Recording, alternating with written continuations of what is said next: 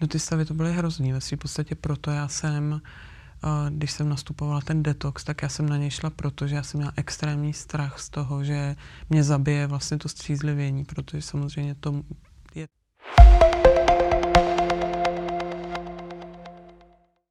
Češi jsou třetí největší konzumenti alkoholu na světě. Na to, jak jsme malá země, je to až alarmující poznatek. Závislými na alkoholu nejsou jen muži, ale také ženy, a to ne v rozhodně malé míře. Se svými zkušenostmi, pohnutkami, pocity i jakýmsi vzkazem pro ostatní přišla do Face to Face popovídat autorka blogu Zápisník alkoholičky, který získal prestižní cenu. Hostem je Michaela Duvková. Míša, dobrý den. Dobrý den. Já se zeptám napřímo, když se řekne alkoholička, mm-hmm. je to od slova alkohol, uráží vás to? Neuráží mě to, to je prostě fakt. Jo, nějaký období jsem byla alkoholička, teď uh, jsem střízlivá, ale prostě to tak bylo. Uh, lidé, kteří jsou závislí na alkoholu nebo na jiných látkách, mm-hmm tak v podstatě uh, si musí přiznat, že mají nějaký problém. Pokud si to přiznají, mohou s tím něco dělat. Ne všichni to zvládnou. Jak to bylo u vás? No u mě to bylo tak uh, postupně. Samozřejmě nejdřív to bylo velký popírání toho, že žádný problém nemám a že to všichni okolo jenom zveličujou a že nemají pravdu a že mě vlastně nikdo nechápe. Pak přišlo nějaké přiznání si, že ten problém mám. Pak přišlo období, zvládnu to sama a pak teprve vlastně jsem nastoupila léčbu. Vy jste říkala, nebo někde jste psala, že uh, jste se rozhodla jít léčit v momentě, kdy jste se bála o život. Vy jste mm-hmm. říkala, buď vás to zabije, nebo se takzvaně uchlastáte, mhm. upijete. Mm-hmm. Co bylo tím hlavním impulzem, kdy jste to přestala zvládat sama? Já úplně nedokážu říct, co se v tu chvíli stalo. Já prostě vím, že jsem začala pít někdy ve čtvrtek odpoledne a pila jsem ještě v pondělí odpoledne nebo prostě celý víkend, aniž bych byla schopná vystřízlivit. A v tu chvíli jsem věděla, že to prostě uh, buď mě zabije to střízlivění, nebo mě zabije to, že budu pokračovat v tom pití. A ten strach jako o život eh, díky bohu zafungoval, takže jsem teda tu pomoc vyhledala a i následně nastoupila tu léčbu velmi rychle, nebo ten detox respektive. Když se koukám na vaši fyzickou konstituci, mm-hmm. tak eh, přeci jenom, když jste pila takhle dlouho, mm-hmm. byla jste schopna, promiňte, vnímat realitu, co se kolem vás děje? To je, myslím, taky typický jako pro alkoholiky, že vlastně tu realitu vnímá jako velmi zkresleně. E, jako realitu e, takovou tu provozní, co potřebuji jako zvládnout, to jsem vnímala, myslím, velmi dobře, ale realitu to, jak e, funguji v tom životě, partnerským, eh, rodičovským, to jsem jako vnímala, myslím, velmi, velmi zkresleně. Eh, s tím pitím v té velké míře jste vy začala po porodu svého mm. prvního dítěte. Eh, přisuzujete to takzvané laktační psychóze, nebo je tam nějaká změna hormonální, plus těch mm. okolností, které nastanou, nová role matky? Mm. Je to tím, nebo bylo to tím u vás? Určitě to nepřisuzuju laktační psychóze, to myslím je velmi vážná diagnoza a to bych jako si přisuzovala něco, mm-hmm. co určitě eh, tak nebylo a bylo by to asi výmluva.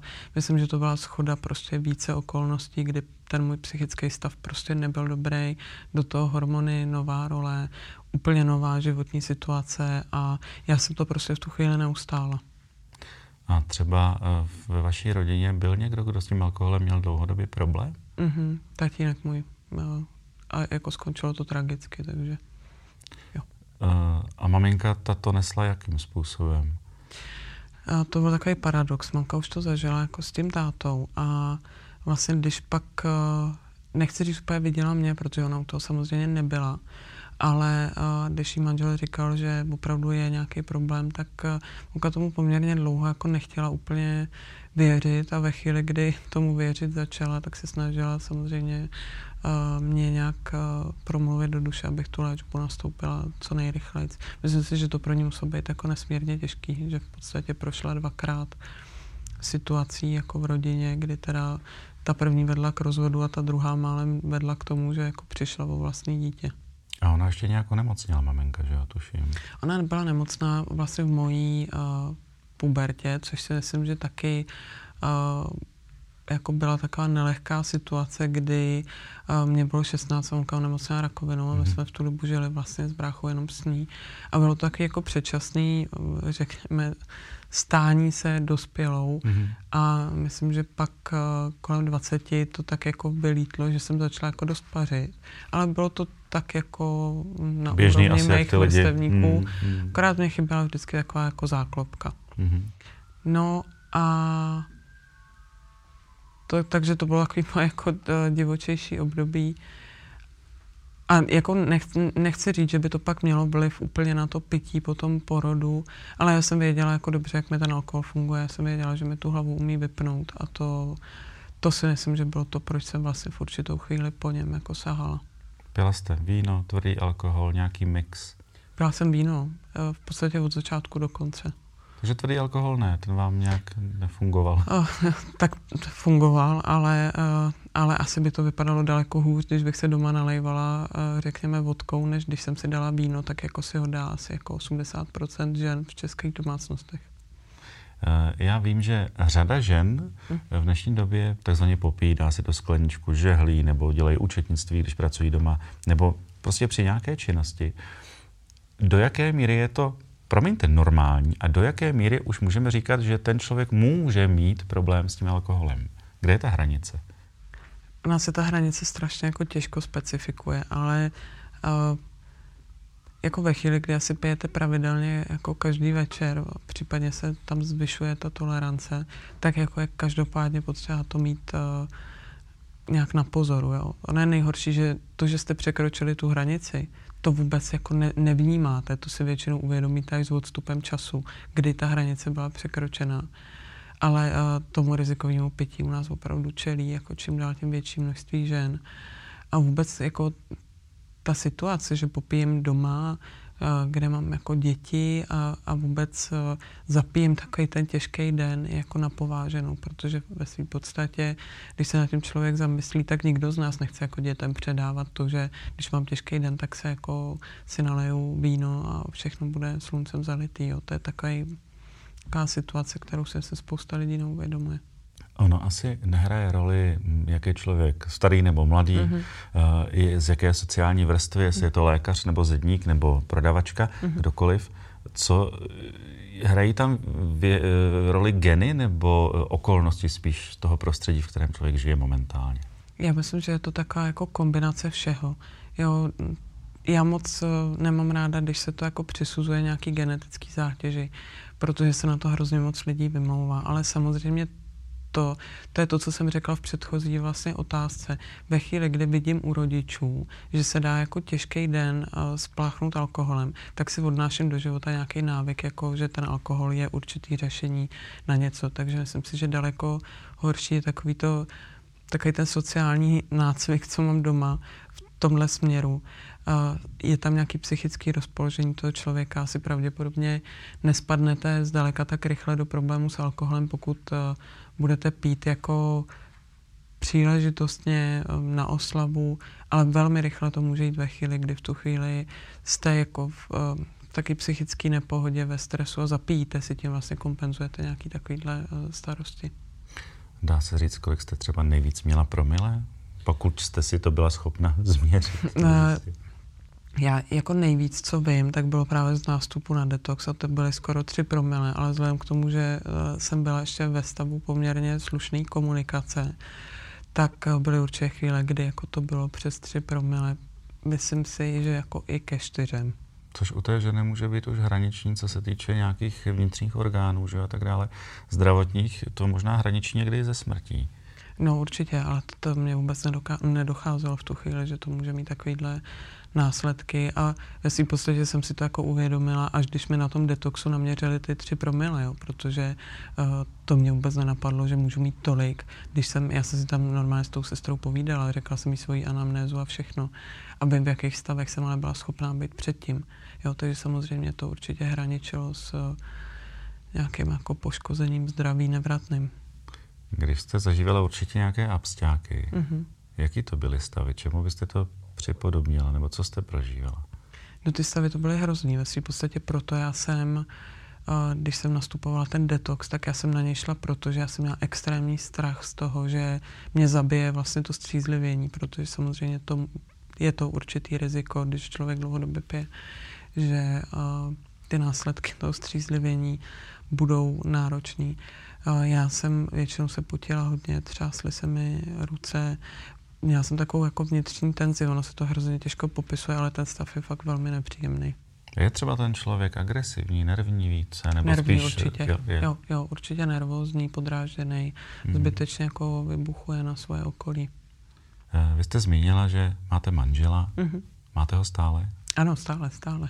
Byl to právě ten člověk, který vám v tu chvíli, kromě té maminky, nejvíc pomohl? Že vás, promiňte, neodkopl, že to s váma vydržel, že tu cestu šel, mm-hmm. protože vy jste asi uh, úplně mu nepřiznávala, že ten problém máte. Mm-hmm. Jo, tak můj manžel má podle mě svatozář. Jo. To, to, I když pominu to období toho pětí, tak se mnou všeobecně není až tak úplně jednoduchý někde být. Uh, my jsme prošli jako velkou krizí po té mojí léčbě, kdy jsme se potřebovali nějak trošku asi srovnat, kde to téměř jako vyvrcholilo rozvodem, už, už jako jsme měli rozvodový stání. Ale pak jsme asi nějak si oba ujasnili, že vlastně nechceme být jako s někým jiným a že potřeba ty staré křivdy nějak nechat za sebou. A já si to hrozně vážím, že manžel to celý vydržel a neopustil mě ještě jako v jeho věku, jemu bylo 27, prostě mohl začít úplně někde jinde s úplně někým jiným a neudělal to. Vy už jste ale spolu měli dítě, mm-hmm. čili asi i to hrálo tu roli, že on cítil tu potřebu, že se o to mimčo musí někdo postarat. Mm-hmm. A jsem někde zaznamenal, že vy jste i falšovala nějaké alkoholové testy mm-hmm. a říkala jste, že to tak není. Jak to vypadalo v reálu? Co, co ten manžel zažíval? No v reálu to vypadalo třeba tak, že jsem z toho alkohol testu prostě někam schovávala baterky, nebo... Jako, jsem, že nefunguje. Ne? No, že nefunguje a, a nebo že jsem prostě měla předtím nějaký kapky na kašel a, a tak, takže to já jsem vymýšlela jako různý způsoby, nebo jsem ten alkohol tester různě schovávala a, a tak. A on jak reagoval, když to takhle gradovalo? Já bych vám to jako ráda řekla, já si to úplně moc nepamatuju, protože většinou, když docházelo k těmhle hádkám, tak to já už jsem měla úplně jako v oknu, už jsem měla dostupy to. Takže vám neřeknu jako přesně, jak to vypadalo. Každopádně uh, myslím, že kdyby se na to koukal někdo úplně jako zvenčí, tak uh, uh, mu to bude asi připadat až jako absurdně komický. Zmínila jste to, že jste prošli velkou krizí mm-hmm. a pak jste si uvědomili, že asi s někým jiným být nechcete. To znamená, že on musí děsně milovat vás a vy jeho. Mm-hmm.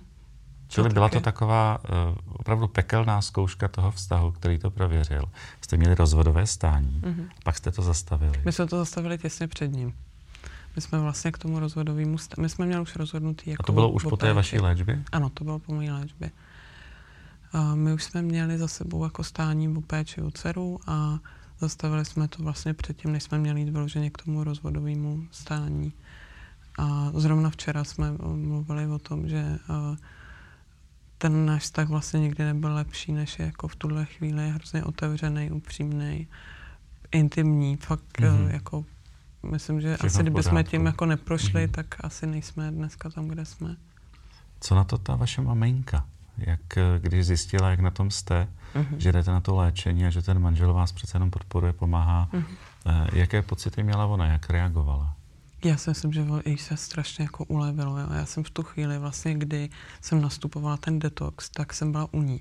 Protože já už jsem nebyla jako schopná. Jste jako manžel... utíkala k té mamince? No, jako svým způsobem jsem asi utíkala a hlavně už to bylo taky, že jsem nechtěla, aby mě jako v tom stavu viděla dcera, takže jsem byla u mamky a myslím, že se všem, jako včetně bráchy a, a manželových rodičů, že jako to byla velká úleva pro všechny ve chvíli, kdy se za mnou zaklaply dveře na detoxu. Když si uvědomím, co všechno alkohol může způsobit mm-hmm. i s mladým organismem, mm-hmm. játra, slinivka, mm-hmm. srdce, mozek, neodnesla jste si nějaký zdravotní problém z téhle anabáze? Jako úplně o něm nevím, jo, ale mm-hmm. těžko říct, jestli se to neprojeví prostě později. Jo. Možná taky štěstí v neštěstí, že, že jako já jsem fakt v té nejhorší fázi byla v mladém věku, takže ty Ta regenerace tam ještě možná je. mají jako nějakou asi eh, schopnost regenerovat, ale, ale nevím, jestli se to samozřejmě někde neprojeví do budoucna. Jak je to dlouho, co jste po té eh, odvykačce a co jste takzvaně čistá? Budou to čtyři roky. A dneska, když vidíte sklenici lahev s alkoholem, tak eh, co to s vámi dělá? Nic. Nic vůbec? Mm-mm. Nemáte nutkání? Nutkání ne, ale někdy mám také jako vztek vlastně na tu dostupnost toho alkoholu, uh, která tady je prostě enormní. Uh, ale uh, chuť, jako že bych měla to, na to naštěstí netrpím. A kdybyste šla s partou přátel nebo s někým uh, třeba do restaurace a on mm-hmm. si dal víno, uh, nemáte problém, nebo ne, ti lidé nemají problém, jestli si mohou dát víno nebo ne, přece jenom aby vás trochu ne, ne, nalákali. Uh, stalo se mi to, že ku podivu jako měli někdy lidi tendenci, když jdou někam se mnou, nepít, ale to je úplně zbytečný. Jo? To je každého rozhodnutí, jestli pít bude nebo nebude. A uh, já si v restauraci ráda dám limonádu, čaj, kafe nebo cokoliv jako nealko a je mi ve svým podstatě jedno, co má ten okolo mě, jediný, s kým mám domluvu, je manžel, že ve chvíli, kdy jako on si dá třeba pivo, tak mě vadí, když to na mě jako někdo dechá. Mm-hmm. Tak jsme domluveni, že pak spí jako na gauči, ale to je, to je všechno. Tam se na jednu zásadní věc. Co by muselo se stát, abyste, já vím, že to je hypotetická otázka, mm-hmm. ale abyste k té sklence nebo k té láhvi znovu sáhla? Uh, já si nemyslím, že to je jako, jasně je to hypotetická otázka, ale to nemusí být nic zásadního. Já jako nevím, co by se muselo stát, ale to může být nějaká úplná maličkost a já v tu chvíli budu nějak zvyklaná, nejistá a stát se to prostě může. Jo. To, já nevím, teď uh, jsem ve fázi, že mi takhle dobře, takhle to chci, uh, ale nedělám si jako žádný plány, že nebudu pít dalších 10 let, dalších 15 let, nebo že už se nikdy nenapiju. Prostě takhle to mám teď. A nevím, já nevím, co bude. Když jste procházela tou odvěkačkou, tou mm. léčbou, což nebylo ambulantní, že jo? Mm. Tam mhm. jste byla někde zavřená, byl tam nějaký režim. Mm. A co psycholog, psychiatr pracoval s vámi? Pomáhalo tak, vám to, nebo vám to, vás to spíš štvalo? Uh, ne, ne, ne, to mě vůbec mě to neštvalo. Já jsem v té první fázi byla vlastně na detoxu. To jsem byla klasicky v nemocnici, byla jsem ve Střešovicích na uzavřený psychiatrii a tam jsem byla jenom týden. Pak jsem procházela vlastně léčbou stacionární, která je založená právě na skupinových terapiích, kde jako terapeut a pra, pracuje se tam v té skupině a to mě to strašně pomáhalo. To pro mě vůbec ta první konfrontace s lidmi, kteří mají jako stejný problém, uh, mě to přineslo hroznou úlevu. Takže já jsem to určitě vnímala jako pozitivum pro sebe. Když se ještě vrátím k té hranici, mm-hmm. kde jsme říkali, že někteří pijí a netušejí, eh, Dá se říct, že tady máme obecně daleko více alkoholiků, respektive závislých mm-hmm. na mhm. alkoholu a netuší to? Že ti lidé mají problém, aniž si to vůbec připustí. Přece když si dám dvě, tři skleničky denně, může už to být velký problém? Může to být problém. Neříkám, že to vždycky problém je, ale může to být a myslím si, že těch lidí, co si to jako nepřipouští, je obrovské množství. Jo, když se dělají taky ty statistiky, kolik lidí je ohrožených závislostí na alkoholu, nebo jsou nějaké rizikové prostě skupině, tak to jsou lidi, kteří někdy se dostali už do nějakých služeb, takže do té statistiky jsou započítaný. Ale daleko větší množství je těch lidí, kteří se nikdy někam nedostali a popíjejí si jako doma a, a prostě si furt říkají, já na tom přece nejsem tak špatně, že bych potřeboval pomoct. My máme v České republice podle statistik 15 úmrtí na 100 000 obyvatel kvůli alkoholismu a jsou to většinou muži ve věku 35 až 65 let, ale jsou tam i ženy. Vy jste obdivuhodná, Míšo, v tom, že jdete se svou kůží na trh, že s tím takhle, eh, o tom takhle otevřeně hovoříte. Proč? Abyste pomohla těm, kteří mají eh, problém, kterým jste prošla vy? A protože, jo, ve svým podstatě jste to schrnul. Já když jsem eh, byla v té fázi, že už jsem věděla, že ten problém mám, tak jsem hledala různě po internetu prostě příběhy lidí, kteří by na tom byli stejně a nic jsem nenašla. Mě to vlastně hrozně štvalo. A, a chtěla jsem, aby se o tom problému mluvilo, aby kdokoliv, kdo na tom internetu zadá problém s alkoholem, tak našel ten blog zápisník alkoholičky a mohl si přečíst, že v tom není sám. A samozřejmě tím druhým krokem bylo, když jsem vyšla z anonymity, protože já jsem začínala psát anonymně, bylo to, že lidi jako uvidí, že se to může vlastně stát mladý holce, která má doma malý dítě, je pracovně poměrně, no, byla úspěšná a, a to pro mě je jako důležitý. Důležitá je pro mě ta osvěta. Pro mě to není jako rozhodně moje komfortní prostředí.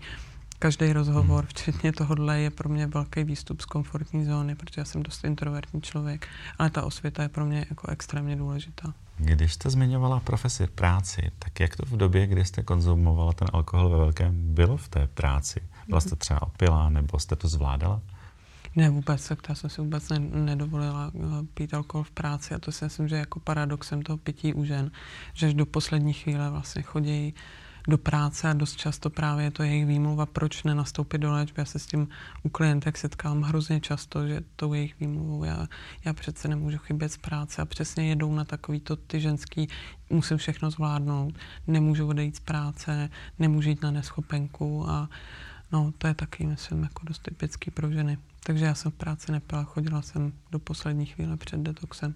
A pak jste to dohna, doháněla doma večer třeba. Přesně, přesně. Já jsem jako typicky pila fakt večer ve chvíli, kdy Izabelka, uh, dcera, uh, usnula, tak uh, ještě jako třeba těsně předtím, když jsem jí dávala spát, tak uh, jsem si nalila a už to jelo. A ráno jste byla schopná vstát a jít se do práce? Jo. To je zvláštní. No, tak ono už potom, když jako nějakou dobu pije takhle pravidelně a tak se propíte do té závislosti, tak člověk netrpí na takový ty typické kocoviny. Oni se, jsou tam ty jako abstinenční příznaky se objevují, ale není to taková ta kocovina, jak ji zná, myslím, asi téměř každý tady v té republice. Vy jste začala psát blog, uh-huh. pak jste vydala tuším dvě knížky, uh-huh. za ten blog jste dostala cenu Magnesia Litera uh-huh. a založila jste společnost Alkos. Ano. E, čím je prospěšná společnost Alkos? Je to právě pro ženy i hypoteticky pro muže, kteří mají tento problém? Jo, Centrum Alkos je vlastně Centrum pro léčbu závislosti na legálních návykových látkách, takže primárně na alkoholu a na lécích. A je to centrum, kde přesně se snažíme pomoct uh, mužům i ženám. Uh, máme pro ně připravený vlastně program stacionární léčby, a ambulantní léčby, uh, kdy právě klienti k nám dochází nebo jsou u nás případně ubytovaní po dobu 6 nebo 8 týdnů. A, a my se snažíme jim pomoct za tuhle dobu opravdu efektivně zvládnout tu závislost a s nějakým individuálním přístupem v hezkém prostředí, tak, aby to pro ně nebyl jako takový ten strašák, protože spousta lidí se té léčby bojí, protože ji znají třeba z filmu jako takovou tu typickou ústavní, prostě mm-hmm. drillovou léčbu, tak to my nenabízíme. My se snažíme pracovat s klienty jinak. Co je to za lidi? Nechci jména, ale mhm. jenom z jakého prostředí pochází? Jaké jsou to třeba nejčastěji profese, věkový rozsah? To je úplně napříč. Věkově se bavíme o skupině od 25 do 65, muži, ženy. A profesně taky nemůžeme říct, že bychom měli nějak typicky. A převažují třeba víc vysokoškoláci, nebo je to spíš ta, ta střední eh, třída, ty, ty středoškoláci? A já myslím, že se úplně nedá specifikovat, kterým eh, jako vzděláním, který dominuje.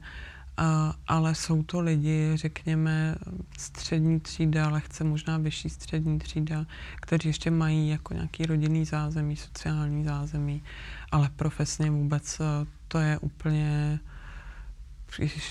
jaký obor si vzpomenete, v podstatě takový eh, může být náš klient. A je to třeba tím, že eh, ta doba si žádá čím dál tím větší nároky na ty lidi, na, ma- na manažery, top manažery, top manažerky mm-hmm. a oni vlivem toho stresu prostě najednou spadnou do nějakého problému mm.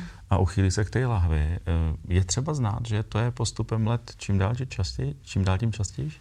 Mm-hmm, a nemyslím si, že jsou to ale top manažeři jenom, nebo top no jasně, manažerky. Ale... Je to mm všeobecně si myslím těma nárokama, které jsou s postupem prostě té doby čím dál tím větší a hodně velký nároky, myslím se stupňou právě co se týče jako žen. U těch mužů, jasně, tam je daleko, jsou tam asi větší nároky na výkon, řekněme, pracovní, ale u žen mám pocit, že jsou ty nároky čím dál tím větší, jak pracovní, tak na to, aby byly finančně víc asi samostatní, na tu péči o rodinu. Já mám pocit, že jako po těch ženách chceme prostě 20 rolí v jednom a to nemůže prostě fungovat.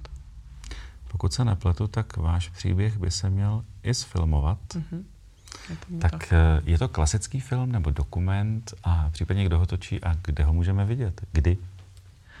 Není to dokument, je to jako na základě knížky a točit ho bude Dan Svátek a měli bychom začít točit, myslím, někdy příští rok, jaro, léto, no, tak zhruba. A pak byste ho měli vidět v kinech. Můžeme prozradit třeba, kdo by měl hrát tu hlavní roli tady vás a mm-hmm. případně, případně e, nějakou zajímavost? Vychází to čistě z vašeho příběhu? Máte třeba šanci ovlivnit ten scénář?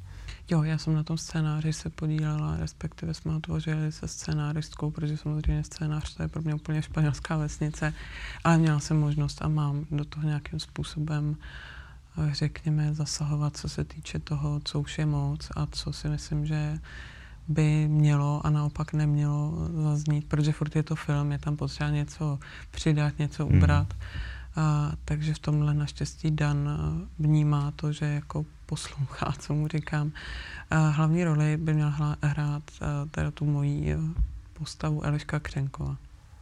Co byste poradila každému, kdo si uvědomuje, ale ještě si to úplně naplno nepřiznal, že má takový problém, ať už je to alkohol, ať už je to droga, ať už jsou to nějaké prášky. Co by měl udělat jako první? Obrátit se co nejrychleji někam pro nějakou radu. Furt je lepší přijít skonzultovat něco, u čeho mám pochybnosti, než přijít, když už je pět minut po dvanáctý. Na co se, Míšo, nejvíc těšíte? Máte dvě děti, máte úžasného manžela, tak co vás teď v nejbližší době, kromě filmu, mm-hmm. čeká? No teď mě čeká asi rozšiřování Alkosu. Chystáme se do jiných měst, než je Praha. Takže to je teď taky naše jako, uh, ono je to s manželem naše taky třetí dítě, jo, takže si ho taky vypláme jako ty dvě. A, a to je teď náš takový velký asi úkol a na to se strašně těším. Já vím, že za každým vážným tématem by měl být humor. Mm-hmm. Znáte třeba nějaký vtip o alkoholicích nebo o alkoholu? Helejte si, to já moc ne, protože já vůbec jako všeobecně eh, si vtipy nepamatuju. Jo? A um, v naší, jako v našem páru je vtipnější můj manžel, takže ten by určitě něco jako vytáhnul z klobouku, ale v tomhle já teda bohužel nemůžu sloužit. Já znám takový jeden, mm-hmm. jak jde ten uh, mladík po té moravské návsi, mm-hmm. zastaví babičku a říká, prosím vás, kde se tady pálí slivovice? On ukáže, říká, vidíte tam ten kostel? Říká, vidím. Tak kromě něj všude. No, tak to je taky dost typický. Míšo, já jsem rád, že jste přišla. Moc vám chci poděkovat za vaši upřímnost a otevřenost, že máte tu vůli a sílu a, a chuť přijít si s někým o své, uh, o své části svého života popovídat. Takhle otevřeně a přeju vám hlavně zdraví a abyste v tom stavu, v kterém jste teď, čili abstinující člověk, uh, zůstala už na pořád. Já moc děkuji, moc děkuji za pozvání a jo, to je moc hezký přání. Děkuji. Náš dnešní host Michaela Duvková.